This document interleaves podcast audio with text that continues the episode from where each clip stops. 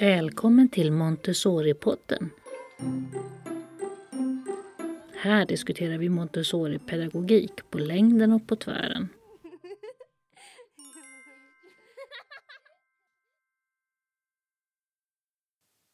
Hej och välkommen åter till Montessori-podden, Kerstin. Tack så mycket. Vi hade ett längre samtal för ett antal avsnitt sedan eh, om Montessori-material och idag ska vi i Montessori-podden lyssna på en liten introduktion du hade till ett mer-café för några veckor sedan. Men först ska vi kanske berätta då för de lyssnare som inte riktigt känner till, vad är ett mer-café och vad är mer? Jag tror att jag tar vad, vad mer är.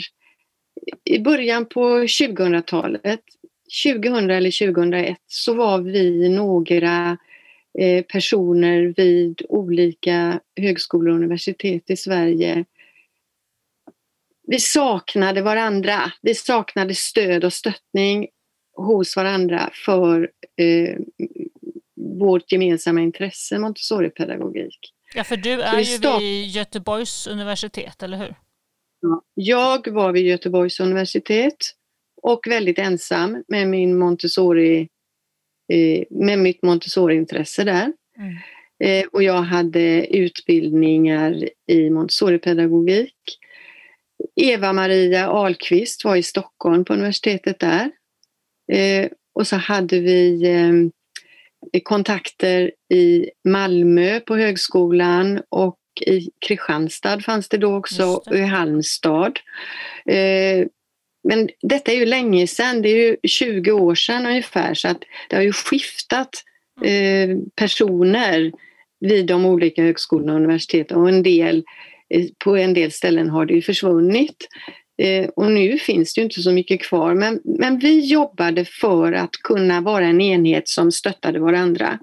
Och 2007 så hade vi en konferens i Stockholm där vi bjöd in eh, professorer från olika länder i Europa som kom till oss i Stockholm och föreläste.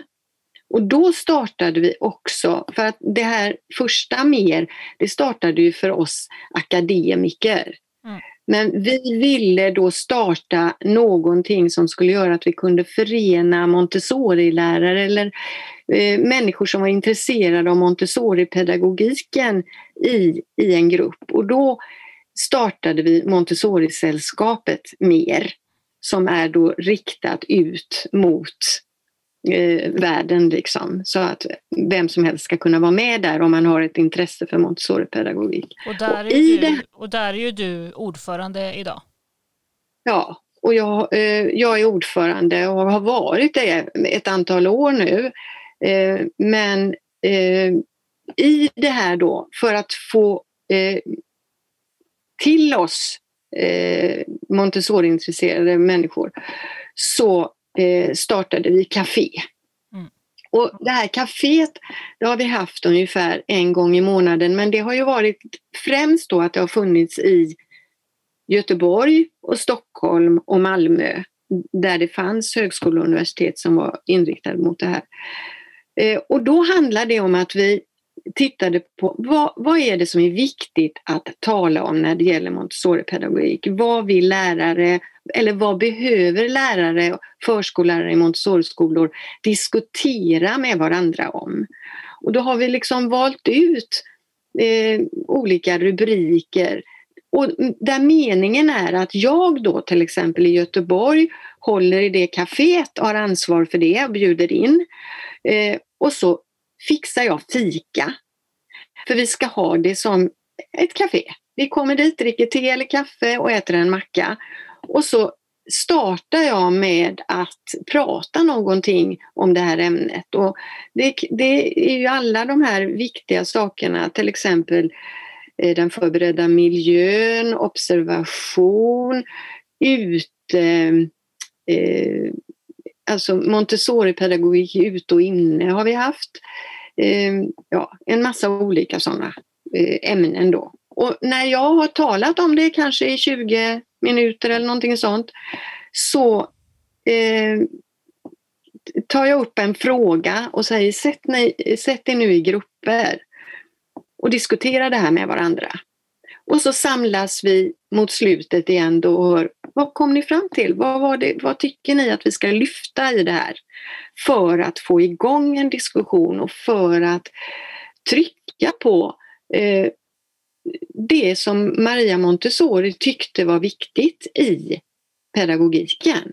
Att vi håller det kvar tycker jag är så viktigt. Så att där, där sitter eh, det här med, med kaféet. Vi ska kunna träffas, prata, ha det trevligt men ändå alltid, alltid, alltid ska mer se till att det handlar om Montessori-pedagogik. Och det som, jag har ju varit med på några kaféer nu och, och, och vad jag förstår så är väl också tanken att den här introduktionen då som någon av er håller ska också, dels ska det ju förstås vara utifrån Montessoris tankar men där ska det också finnas med ett element av vad vet vi idag?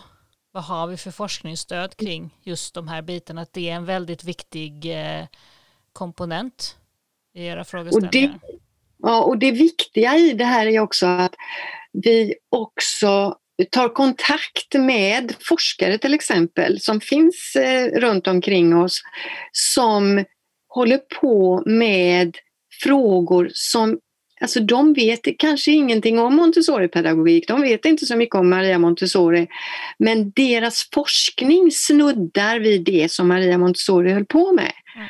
Och där är det också viktigt att visa att titta, det är inte bara någonting som Maria Montessori såg och tyckte var viktigt i början på 1900-talet. Det här är ytterst viktigt idag. Och det, det är ju för att jag ser ju hela tiden att aldrig någonsin har Montessori-pedagogiken varit så viktig som den är idag. När vi har ett sådant samhälle och hela tiden så passar Montessoris tankar in på det vi sysslar med idag. Ja. Vi har, väldigt, vi har ett, ett, ett samhälle som är väldigt likt det samhället som Maria Montessori befann sig i eh, i början på 1900-talet. Men vi har, alltså, det har ju utvecklats och det har kommit nya saker men hennes tankar om, om det här är så lik. Så därför har vi ju till exempel i höst nu haft Sissela Nattli som har talat, som är hjärnforskare som har talat om, om hjärnans utveckling och som säger att det, så som Montessori såg på barn och ungdomars utveckling och behov, det är precis det forskarna talar om idag också till exempel. Mm. Och på det här medcaféet som vi nu ska lyssna på med en liten stund så ska vi lyssna på din inledning. Eh, temat för det var ja, men en central punkt i Montessori-pedagogiken, nämligen den förberedda miljön. Eller hur? Ja, det var det. Ja, och där fick de med sig ut eh, att diskutera sen. Jag vill säga att, de här, att vi kunde göra den här, att vi kan lyssna på det här om en stund beror på att nu det här året har ju kaféerna blivit digitala eftersom det är som det är helt enkelt. Mm. Vilket kanske inte har bara, bara varit dåligt utan ni har kunnat få en, en annan publik. Ja, det som är positivt med det är ju att vi har kunnat nå så många fler. Eh, jag längtar hela tiden efter att vi ska få norrlänningar med. Mm. För det har vi inte, det har, det, dit har vi inte nått än. Liksom. Eh, men genom din podd kanske man kan också bli uppmärksammad på att det här, i och med att vi har digitala kaféer nu så kan alla koppla upp sig.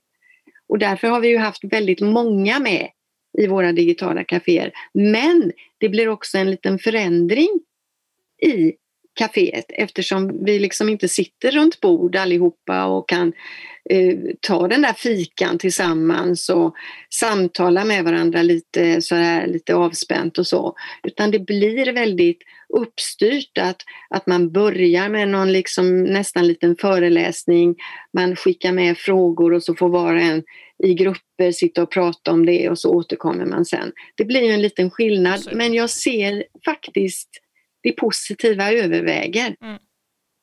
Mm. Ja, att man kan samlas från olika landsändar mycket mm. enklare. Mm. Mm. Vilka frågor var det då som de fick med sig ut den här gången efter din lilla introduktion? Ja, denna gången så gav jag dem tre frågor, eh, ganska breda frågor så att de kunde välja vilken fråga vill vi börja med. Blev man klar med en fråga så kunde man fortsätta på nästa. Det var inte säkert att de tog alla tre. Men den första frågan som jag ställde då till dem, det var att Maria Montessori la stor vikt vid miljön och menade att det var viktigt att skapa en pedagogisk miljö anpassad efter barns och ungas naturliga utvecklingsstadier och behov. Hur tänker ni när det gäller er förskola och skola om det? Det var den första frågan. Och den andra frågan, i föremålen som finns i klassrummet förmedlas en kultur och ett sätt att tänka som barnen kommer att ta del av i och med att de hanterar redskap och interagerar med sin fysiska miljö. Hur förmedlas kulturen i din förskola eller ditt klassrum? Och den tredje var, det sker just nu en digitalisering i förskola och skola. Montessori sa, vi ska inte vara rädda för nyheter. Se istället efter på vilket sätt du använder nyheten. Fördöm den inte. Det kan vara fantastiskt om de används på rätt sätt. Vad innebär digitaliseringen för den förberedda miljön? Mm. De tre frågorna var det. Jätteintressant och jag tycker att det här sista medskicket om, om att inte vara rädd för nyheterna är verkligen någonting viktigt, eh, något vi behöver hålla i huvudet. Och vi måste hålla det i huvudet för Montessori hon eh, återkommer till just detta väldigt många gånger i sina texter. Eh, på något ställe så skriver hon att eh, när det kommer eh, kameror så att man kan ha en kamera inne i klassrummet så kan man ställa den i, skulle man kunna ställa den i ett hörn och filma barnen så att man kan se, sedan sitta, alltså hon var ju forskare, så man kan sitta och studera barnen efteråt ja, och inte just, bara just då. Alltså det, och det, nu är vi ju där, vi har ja. ju de här sakerna. Vi kan ju utveckla det här på massa olika sätt. Ja, och inte, alltså det, för det som jag tycker mest illa om när det gäller det här inställningen till Montessori-pedagogik, det är men får man göra så i en Montessori-skola? Eller skulle Montessori eh, godkänna det eller skulle man få det för Maria Montessori? Alltså det är ju bara att sätta sig ner och försöka läsa Montessoris böcker och så försök att ha ett kritiskt förhållningssätt och tänka efter varför vill jag göra de här sakerna? Vad, vad lär sig barnen av detta? Och hur, hur eh, sa, vad sa Montessori om just det sättet att lära sig på? Vi kan ju inte bara säga nej men det får man inte göra i Montessori-skolan. Vi måste vara kritiska, granska hennes texter men också tänka efter själva. Alla Montessori-lärare är ju sig själva också. De har sitt eget bagage. All, alla Montessori-skolor kan inte se riktigt likadana ut men vi kan vila på samma grund. Vi jag kan har, utgå från samma saker. Jag har, minns, vet jag alltid tänkt lite grann på, på att eh, när man har diskuterat det här med att skriva då på eh, iPads och annat och alla möjliga, när man har mött visst motstånd kring att låta de yngre barnen skriva med det, så tänker jag ja. Men Maria Montessori visste ju att de små barnen kunde så att säga, skriva innan deras hand var mogen för det och därför utvecklade hon rörliga alfabetet. Mm. Men hon säger också en sak som jag tycker är jätteintressant just i det där när barn lär sig läsa och skriva. Att det finns en period när barnens tankar går fortare än vad deras fingrar kan, eller penna kan gå. Mm. Då ska de få ha en skrivmaskin. Mm skriva sina texter.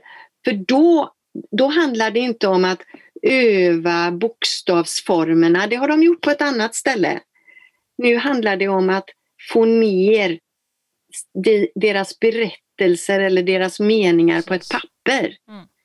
det är olika saker. Jag tycker det är så intressant. Nej, men alltså jag tror att, eller jag, jag tr tror mig veta, ska jag nästan säga, att det finns stunder när barnen ska öva med händerna, ja. känna bokstavsformerna och så för att få in det, sinnesträningen in i, liksom, i minnet så att man vet hur det borde och, och snygg handstil och allt ja. sånt där. Absolut. Det, det, det är en period. Mm. Sen kommer nästa period när de har lärt sig det och när de ska få ner de här på pappret. Och det en sak som är viktig är ju då att skriva vackert och få det fint och så. Men sen så handlar det om att få en berättelse till exempel då. Då är det något annat, då behöver man inte öva just i det tillfället. Men vi har ju till exempel när de sätter igång sen och lär sig ett nytt språk. Mm. Ja men då finns det saker som man behöver skriva för hand för att minnas det bättre. Så att det, vi har olika perioder och vi kan liksom inte säga Maria Montessori skulle nog aldrig ha låtit dem skriva på en dator eller så. Det skulle hon visst.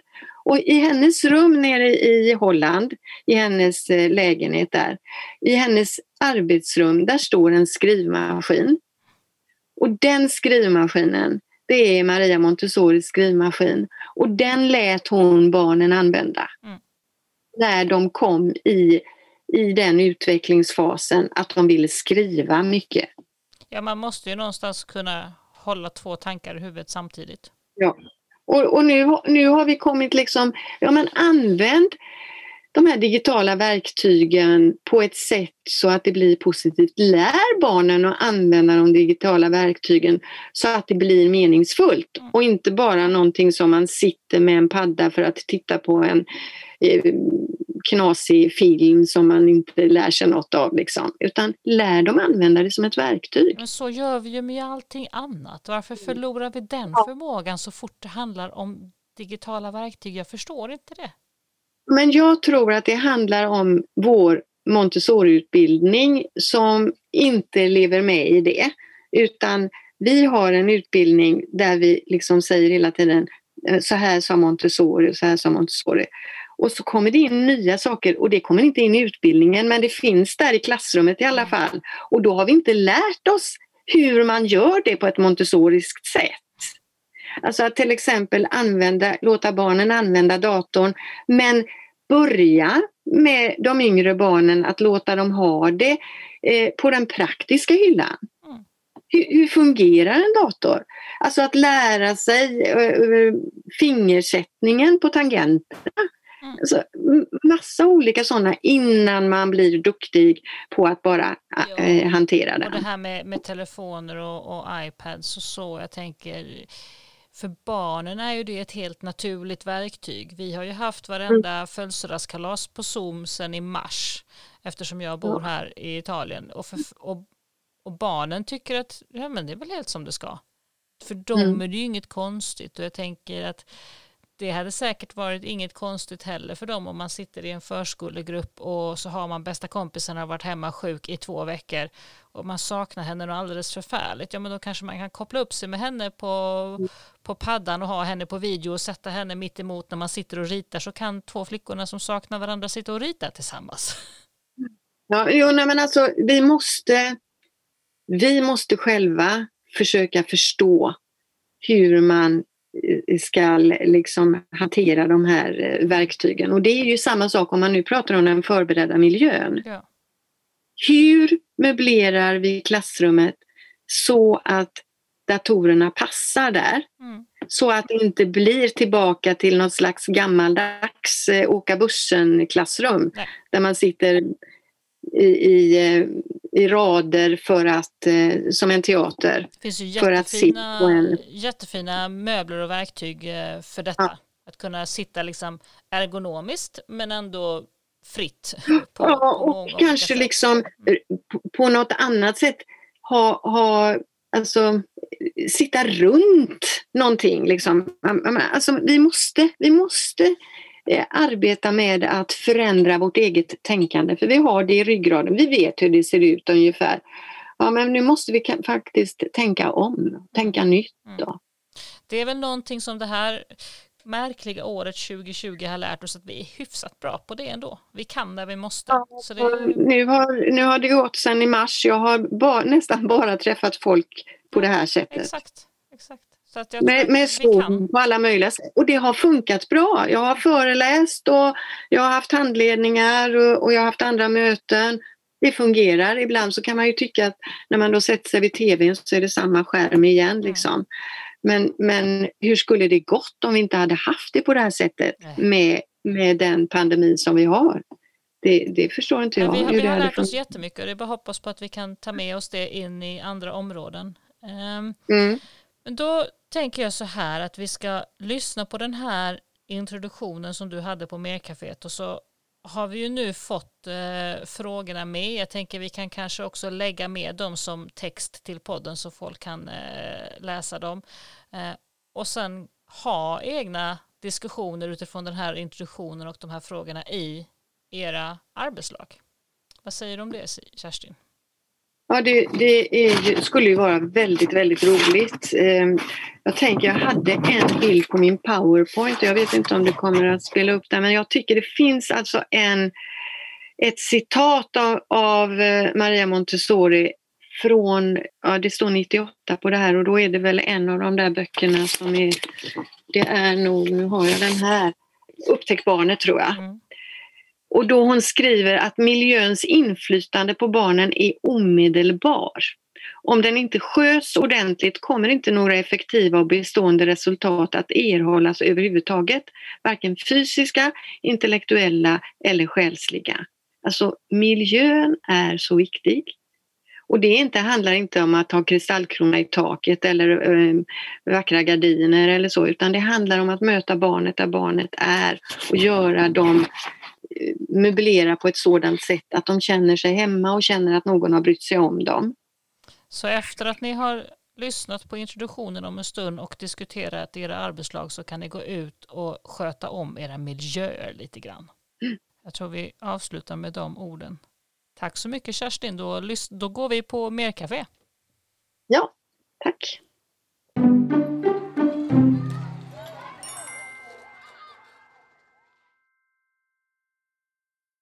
Välkomna, välkomna hit till oss. Vi ska alltså inleda det här kaféet. Eh, som alltså egentligen är så att det är ju ni som ska få input för att kunna fortsätta och eh, jobba med det här ämnet när ni kommer tillbaka till era förskolor och skolor.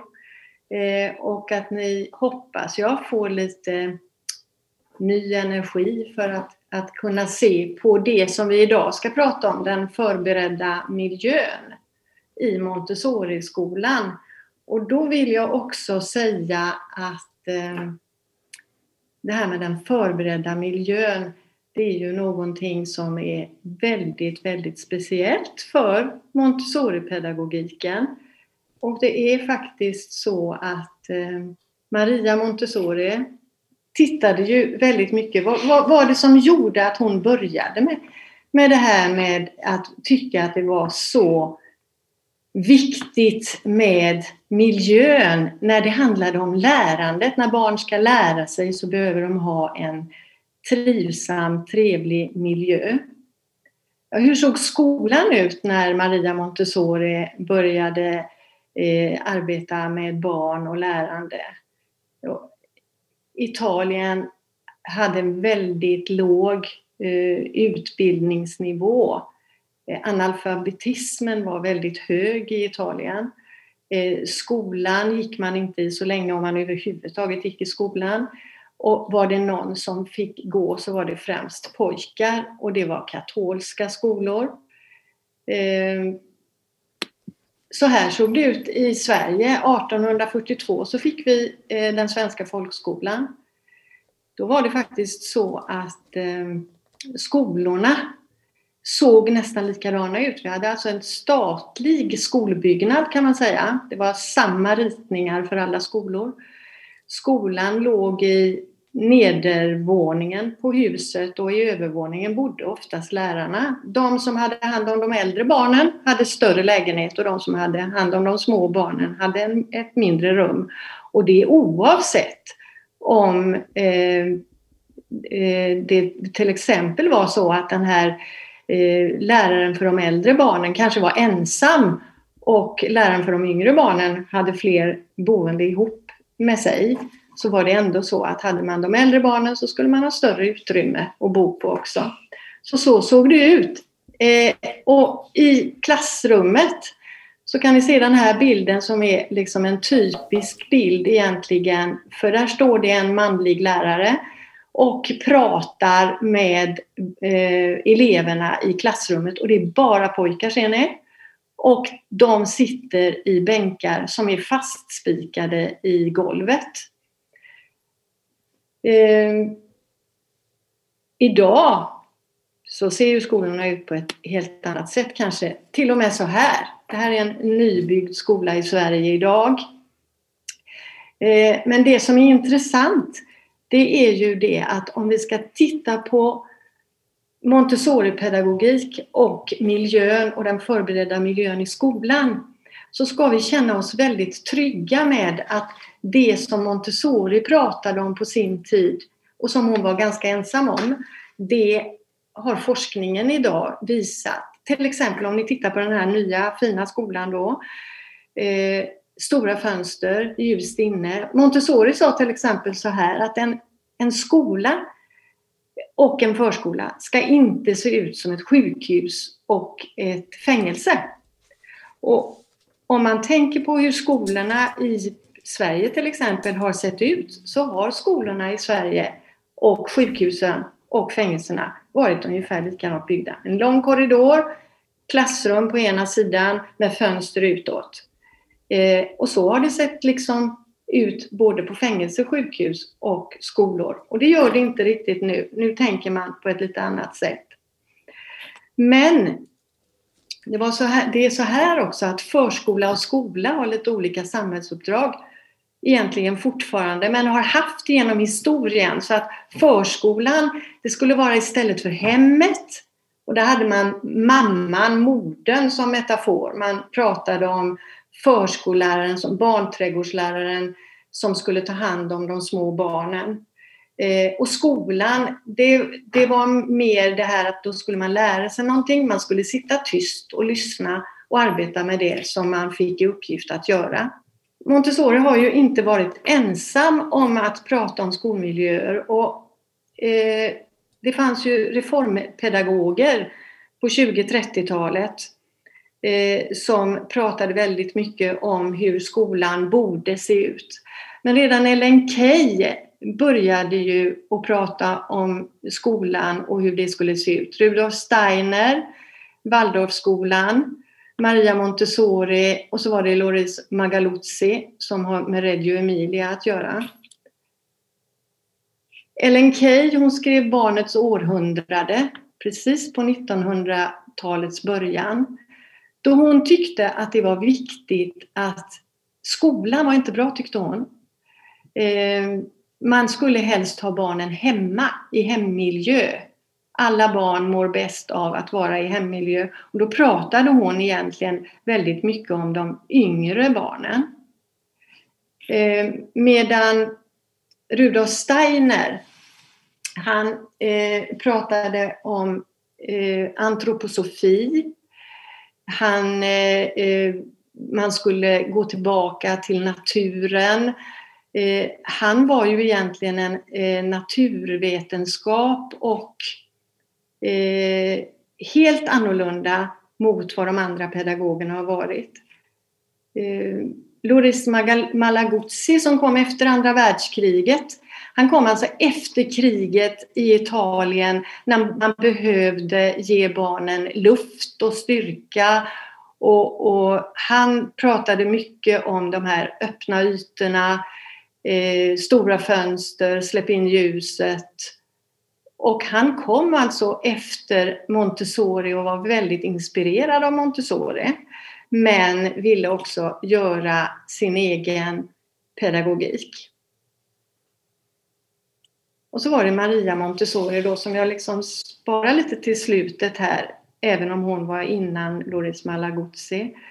Men det Maria Montessori började med, det var att skriva en uppsats om vådan av den här skolbänken.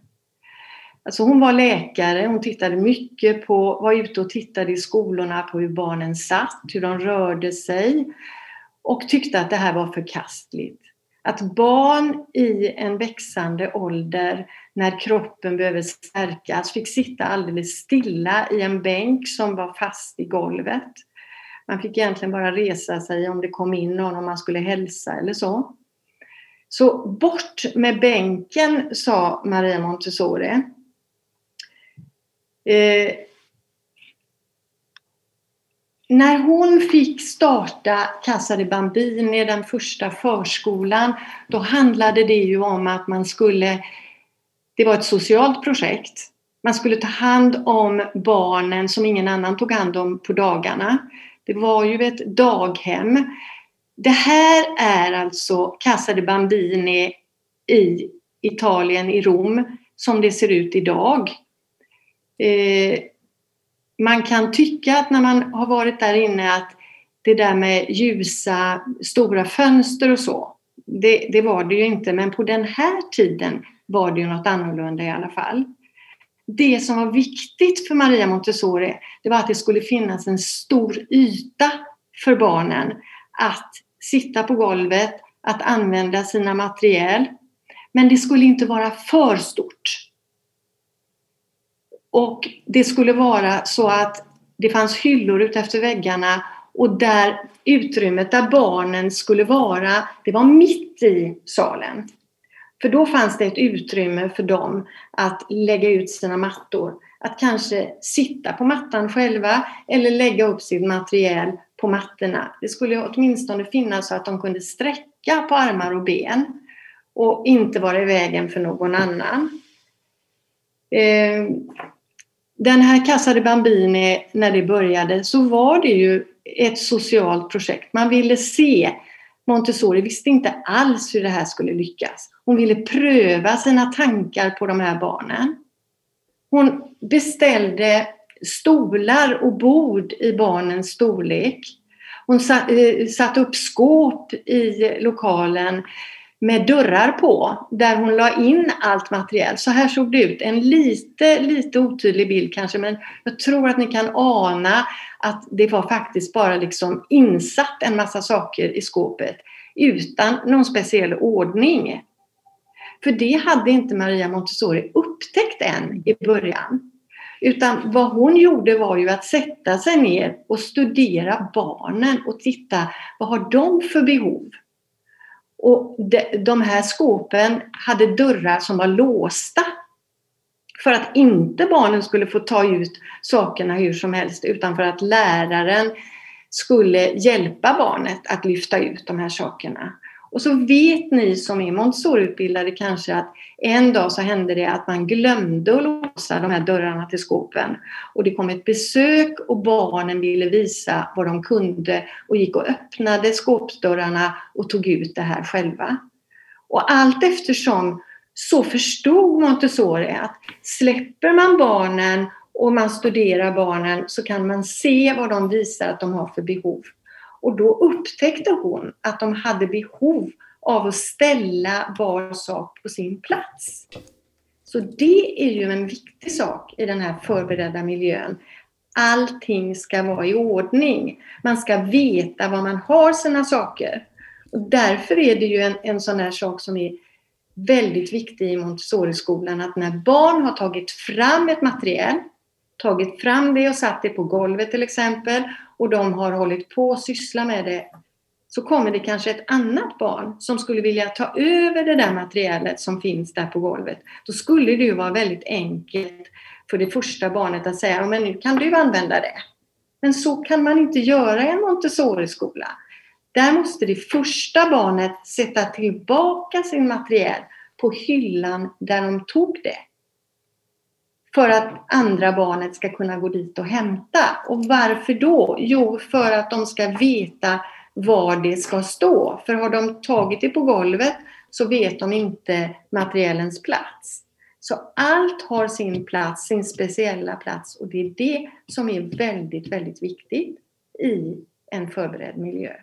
Och det måste ni liksom tänka på att nej men Montessori, hon visste inte det här från början. Hon prövade och räknade ut och förstod, pratade med barnen och tittade på barnen om vad de hade för behov. Och jag hoppas att ni också när ni kommer tillbaka till era skolor sätter er på stolen, observera barnen, titta på vilket håll går de? Var är de, var är de mest någonstans? I vilken hylla? Ni kan också liksom sätta er och, och tänka så här, rita upp en bild på klassrummet, se var är de flesta barnen? För det är ju också så att barn påverkar varandra. Så när något barn är vid en hylla med kartor till exempel, så är det ju många andra barn som också blir intresserade av att gå till den där hyllan. Det fanns ju även på Montessoris tid i Casa de Bambini Montessori-materiel, alltså de här sinnestränade materielen som inte barnen använde. Och då kom hon ju fram till att för många saker i miljön är inte bra.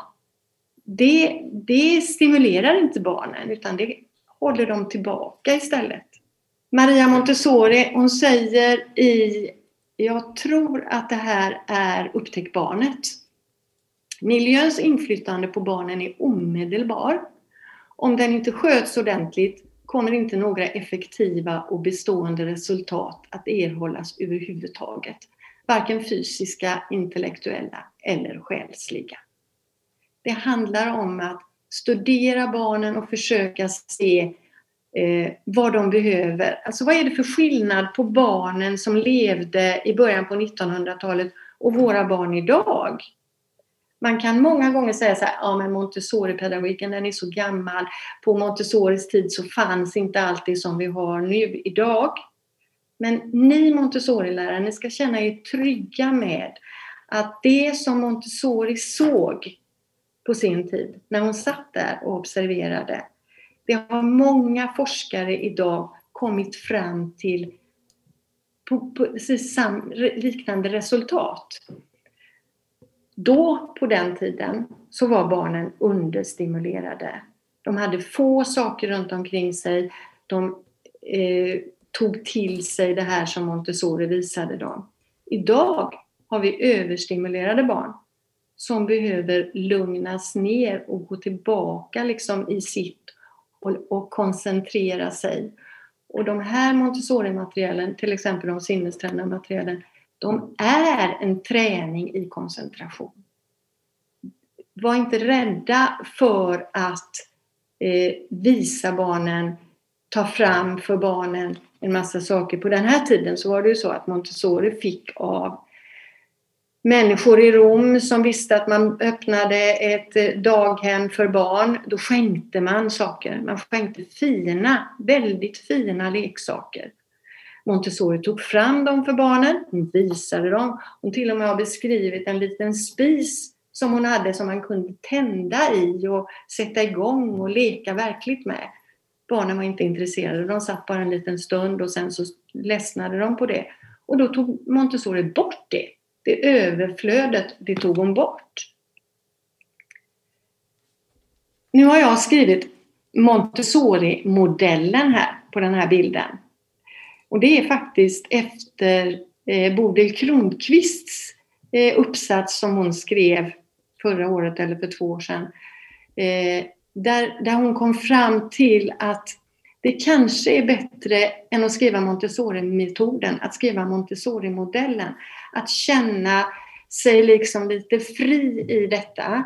Att i Montessori-modellen så är det barnet, läraren och den förberedda miljön som är de tre benen, de viktiga delarna i Montessori-modellen. Läraren tillhör den förberedda miljön. Där befinner sig barnet också. En annan sak som Montessori kom fram till när hon satt där och observerade barnen och arbetade med detta, det var ju de här fyra utvecklingsplanerna. eh, mellan 0 och 24 år. Och 24 år, det var ju liksom gränsen hon satte för det var skoltiden. Då eh, borde universitetsutbildningen vara klar vid den här tiden. Så det var skolans olika eh, utveckling som hon beskrev i detta. Och då kallade hon den första perioden, barnen i den första perioden för möbelbarnen. Och egentligen så kommer det från Tyskland, Möbelkinder. Eh, men det handlar ju om att barnen behöver vara i en hemlik miljö, få ta det lugnt, lära sig känna den miljön som är närmast dem. Sen kom den andra perioden, stillhetens tid. Och det är ju den första skoltiden då faktiskt barnen vill sitta på stolar och arbeta med sina saker vid ett bord. Sitter ganska still. Och sen kommer den tredje perioden, högstadieåldern, när hon kallade det för ärtkinden. Och jordbarnen, Alltså de barnen som liksom möbelbarnen är väldigt rörliga, behöver vara rörliga, behöver eh, använda sina muskler och, och träna eh, sin kropp.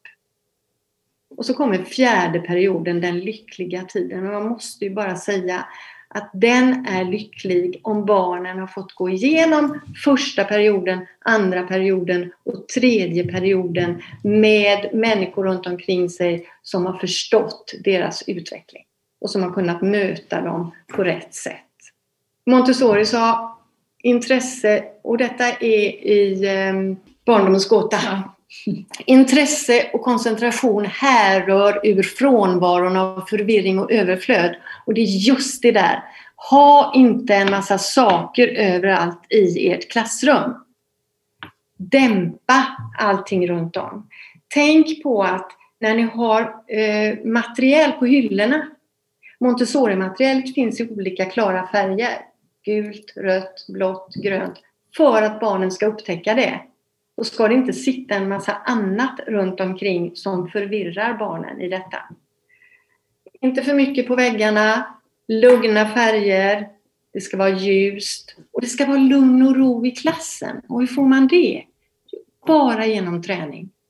Man tränar sig i att vara tyst. Man har de här tysta övningarna, lyssna på vilka ljud man hör, så att barnet blir medvetet om hur det hörs runt omkring. Det tillhör den förberedda miljön, att vi ska ha lugn och ro i den miljön. Lärarens uppgift är inte att tala utan att ställa i ordning en ändamålsenlig miljö som stimulerar barnen att ta till sig kunskaper och öva sig olika färdigheter. Det är också från barndomens gåta. Och det är ju det som ni ska tänka på. Ni som är lärare åt små eller äldre barn, lägger inte i för mycket. Ni ska finnas där. Ni ska visa att ni finns. Att ni lyssnar och att ni är observanta. Men ni ska inte prata för mycket. Ni ska lyssna på barnen, vad de har att säga och hjälpa dem när de behöver hjälp. Och det är ni som ska ställa ordning miljön. Det är ni som ska se till att hyllorna finns så att barnen kan nå sina saker. Men det är barnen sen som praktiskt ska se till att det håller sig fint. Och barnen ska ta ett ansvar och bli självständiga för sin miljö. Och ni ska gå en sista gång sen när barnen har gått hem och se till så att allting är helt och rent. Det får inte finnas trasiga saker som man vill att barnen ska eh, använda i ett Montessori-klassrum. Då ska man se till att laga det eller ta bort det. Och det är samma sak om man nu sätter någonting på väggen så handlar det ju om att sätta upp vackra bilder som drar till sig intresset. Och Montessori pratade ju om till exempel att man sätter eh, konstnärliga bilder på väggen som passar till just det ämnesområdet som är där. Eh, och då får ni leta efter fina bilder som passar in eh, och som lugnar barnen. Och det är samma sak när det gäller att jag vet att barn vill gärna måla och visa upp och sätta upp. Gör det då. Men kanske inte allihopa teckningarna på en gång utan ha några sådana här ramar som ni kan byta ut bilder i. Låt ett barn ha sin teckning uppe en månad och så byter man och så tar man någon annan så att man får känna sig som den konstnär man vill vara. Alltså lyft barnens intresse, respektera barnen för vem de är och tänk på att den här förberedda miljön ska vara sådan att barnen trivs där. Då kommer man till det här med det moderna. Vad gör digitaliseringen med rummet? Alltså om ni ser på den vänstra bilden så där har klassrum sett ut väldigt, väldigt länge. Eleverna sitter och åker buss. Den ena framför den andra eller den andra bakom den andra. De ser inte varandra, de ser bara den läraren som står längst fram. Och så ser ju inte ett Montessori-klassrum ut. Ett Montessori-klassrum är i en miljö där det är ett, ett fint arbetsklimat där man kan gå och sätta sig vid ett bord som passar att sitta vid. Men så kommer datorerna in. Och hur gör vi då? Hur möblerar vi ett klassrum eh, med, med datorer?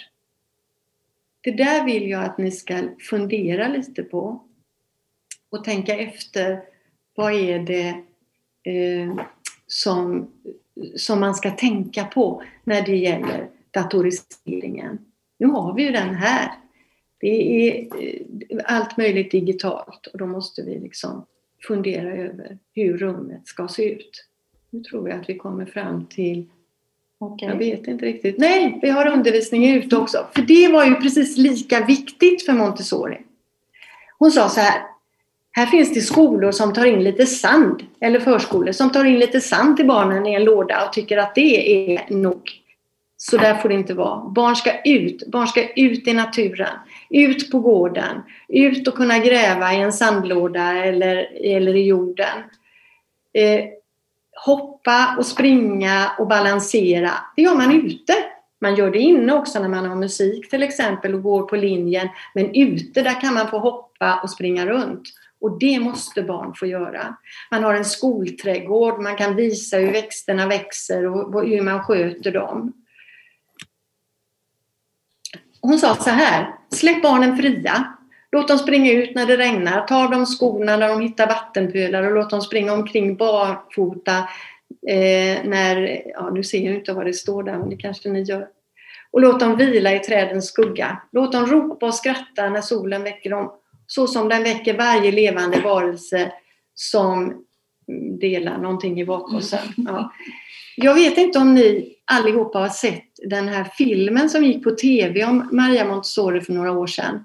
Där finns det en scen som är just den här när hon eh, tog ut barnen när det började regna och barnen fick eh, springa runt i regnet och bli våta. Det, det, där vet vi ju när vi umgås med barn, att barn älskar att plaska i vatten och, och vara ute. Och det var just därför hon tyckte att det var så viktigt. Klassrummet är lika mycket ute som inne. Och så sa hon, barnet som naturens största spontana iakttagare måste otvivelaktigt ha tillgång till material att arbeta med. Och där är det viktigt. Ge barnen saker så att de kan experimentera, att de kan pröva saker ute, som med vatten till exempel. Och naturen som sinnesträning. Bygg upp sådana här saker eller låt barnen gå barfota och känna hur det känns under fötterna med olika grejer under. Jag vill bara att ni ska titta på en sak. Jag var i Kina för några år sedan och besökte Montessori-skolor. Och i en Montessori-förskola där så hade de en utegård som inte var särskilt stor men väldigt väl genomtänkt. Och där fanns det saker för barnen att eh, balansera, hoppa på och gunga och, och gå på, i trappor och sånt. Och det som var allra mest intressant, det var den här stora runda tunnan. Nu, på den här bilden så ligger det en flicka där och vilar. Men rätt som det var så kom det flera barn och låg där och pratade lite med varandra. Det var en sån här jättemysig uteplats som, som jag kan rekommendera att om ni ska bygga upp någonting så gör någonting sånt. För där är barnen både synliga och lite osynliga. Men det är ju en ny tid också. Vi har olika utemiljöer. Här är en, en skola eh, där man alltså kan åka på skateboard på, på rasterna. Eh, lite äldre barn behöver komma ut och sätta sig vid ett bord och sitta och prata med varandra. Alltså man, man får liksom göra en massa nya saker också, tänka nytt. Det här är en skola som har flera våningar och då har man alltså en stor uteplats på sitt eget våningsplan. Man behöver inte springa ner för trapporna och ut på gården utan man kan gå ut på ett eget egen altan kan man säga. Och nu ska vi ta ett exempel som Karina ska prata om. Exemplet textilslöjden. Ja, för att eh, oftast när vi tänker på den förberedda miljön så pratar vi ju väldigt mycket, eller vi ser liksom bilden av förskolan och lågstadiet kanske Eh, och hur det ska se ut. Men eh, jag är ju Montessori-pedagog då och jag arbetar nu som eh, textillärare på en skola och jag har barn då ifrån 6 års ålder till 16 år. Och den här salen har ju funnits väldigt länge men när jag tog över här i augusti så ändrade jag om så att det skulle bli så mycket Montessori-pedagogik som det kunde bli. Eh, och i pärmarna som står där till vänster är eh, solarna, alltså kursplanen i textilslöjd för samtliga elever på skolan så att de själva kan gå och titta. Vad är det som jag har gjort och vad är det som jag har kvar att arbeta med? Eh, och så här är det organiserat då med tydlig text på samtliga lådor för att Eh, barnen, eleverna själva ska kunna hitta allt det där de behöver, undertråd och synål och saxar och grejer ni ser som hänger på väggen där. Eh, och på den bilden till höger, jag vet inte om ni ser det, men nu har vi den här, alla era fina bilder där, men det, det är ett vitt skåp där i alla fall med eh, som barnen kan lägga sina arbeten i. Och det är också utmarkerat då för varje grupp. Eh, hur det ska, var de ska lägga sina saker som de håller på att arbeta med.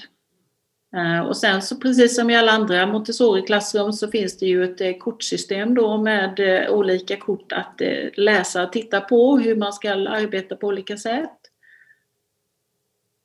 Och tygskåpen är någonting som tar väldigt mycket tid att ställa i ordning varje dag. Men eh, jag försöker att hålla så att det ligger, liksom, man kan se skillnaden på de olika sorters tygerna. Det står också på dörren där vad det är för olika material, om det är en, eh, enfärgat eller blandat eller så, mönstrat. Eh, ja, det var det. det, var det. Mm.